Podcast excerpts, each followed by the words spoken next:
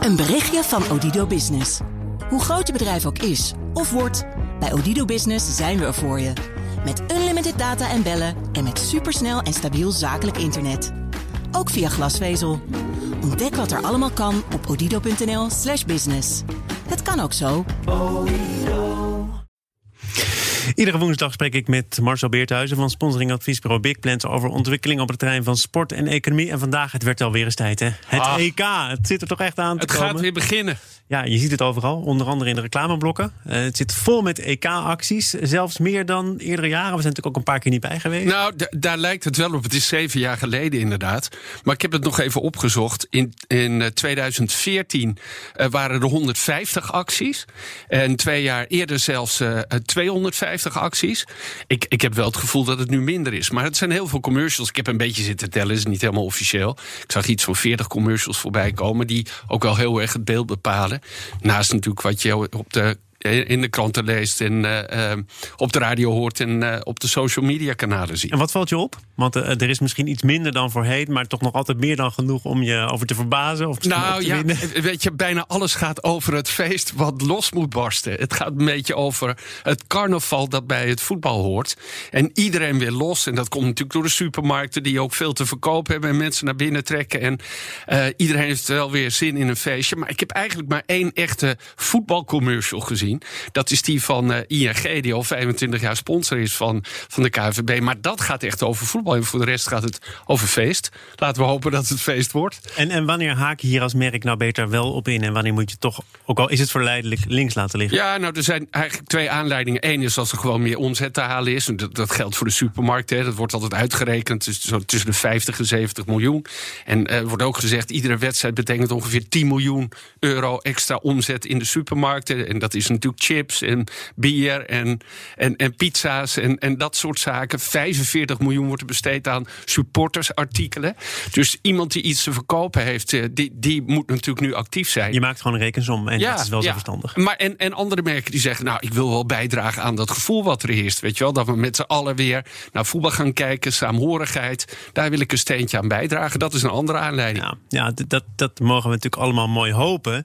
Hè, dat het gaat leven onder de bevolking, dat het feest gaat losbarsten. Maar ja, het lukt nog niet Ja, echt. die of koorts- woon ik in de verkeerde wijk? Nee, nee, helemaal niet. Want ik, ik heb dit ook in het verleden veel onderzocht. En dat bleek ook elke keer weer, dat, dat heette de Oranje Index, dat die koorts pas heel laat begint. Oh. En dat komt, we hebben gewoon een hele volle sociale agenda. Er zijn eerst nog allerlei andere wedstrijden. Dan moet de selectie nog bekend worden gemaakt. Er worden de eerste Ja, maar gespeeld. ik dacht, nou, dan heb je meteen de verklaring te pakken. Niemand ziet het zitten. Mensen hebben helaas eh, heel veel uren al besteed aan het kijken naar wedstrijden tegen Schotland en Georgië. Denken van, nou, het zal mij benieuwen. Ja, maar er is altijd hoop, Thomas. Oh. Weet je, er is altijd hoop. Dus er zijn natuurlijk inmiddels zoveel voorbeelden dat de voorbereiding niet zo goed was. En we uiteindelijk toch, we, zeg ik ook meteen, Ah. dat we uiteindelijk best ver kwamen. Dus er is altijd hoop. Dat zie je ook in de commercials terugkeren. Weet je, dat doen we maar een geluksbroekje of op een andere manier proberen we te zorgen dat we dat gevoel weer gaan oproepen. Dus Maar het feit eigenlijk- dat... oh, sorry, Ja, Ellen? eigenlijk zeg jij dus, het is niet zo vreemd dat het pas zo laat Nee. op gang komt. Nee. En je zult zien na zondag, als de eerste wedstrijd wordt gespeeld, en zeker als die gewonnen wordt, los. dan, hè, dan in de kroegen, als die open gaan, maar zeker op kantoren, social media. Maar er mag gekeken Ja. worden op grote schermen, geloof Zeker. ik toch, ondanks Ja. eerdere berichten. Ik geloof dat het eraan zit te komen. Het zou wel geweldig zijn. En wat heel leuk is, dat natuurlijk ook in het stadion gewoon mensen zitten. En dat verhoogt wel enorm de sfeer. Is er iets waarvan je zegt, ja, dat valt me op, dat is een campagne, daar hebben ze het goed, goed gedaan. Die hebben het begrepen. Nou, als je veel wil verkopen, dan weet ik, moet je een gratis premium hebben. Dan moet je een goed liedje hebben. eh, dan moet je een leuke commercial hebben. Dan moet je eigenlijk ook nog zorgen dat het in de kranten komt. Hè, met de een of andere hoax of op een andere manier. Eh, Jumbo heeft wat mij betreft daar wel aan voldaan. Met die juichcape, maar vooral ook met het liedje en die Rob Camps. Hele leuke commercials. Ook eentje met de VAR. Ik weet niet of je die gezien hebt, maar die is echt grappig, vind ik. Dus die valt me op. Ik vind de Staatsloterij een mooie campagne hebben met Van Basten en Kieft. Hè. Van Basten Oh, met dat bootje. Ja, en dat Ja, bootje. ja. Maar Basten die in een pak nog even die bal in de kruising schiet. Geweldig. En dan had je nog de Ruud Gullit-burger. Ik weet niet of jullie die voorbij hebben zien komen. Nog niet. Nee. Nee. Nou, dat was een viral. De, twee, eh, drie jongens eh, waar in Heilo die waren aan het barbecuen. En die zien een hamburg. En daar verschijnt opeens het gezicht Ah. van Ruud Gullit op. Ja, Ah, geweldig, dit is een teken, we worden kampioen, eh, zingen ze. Uiteindelijk bleek het een actie te zijn van Calvé, van de Sauzen van Calvé. Ruud Gullit was er ook bij betrokken. Maar dat, eh, ja, dat was echt een hoax, dus die ging eerst naar, via de mainstream media naar social media kanalen. Eh, tot slot, het wordt een hele drukke sportzomer met Ja. Evenementen die er altijd zijn. Hè? Wimbledon, Tour de France. Maar toch ook zeker, nou ja, hoe zeker is het? Maar de Ja. Olympische Spelen in Tokio. Betekent dat ook dat eh, merken, grote bedrijven hun budgetten gaan verdelen? Dat je daar misschien nog allerlei aparte campagnes voor terug gaat zien? Ja, het, in, in het verleden was er was altijd groot verschil tussen de voetbalcampagnes en de Olympische campagnes. En dat kwam iets dichter bij elkaar. Ehm, maar ik denk nu dat de afstand weer groter wordt. Dat de Olympische Spelen is, heeft natuurlijk best een moeilijk verhaal.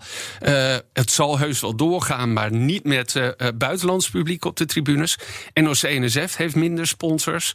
Dat leeft ook veel minder. En eigenlijk zie je dat de volpret bij het voetbal altijd heel groot is.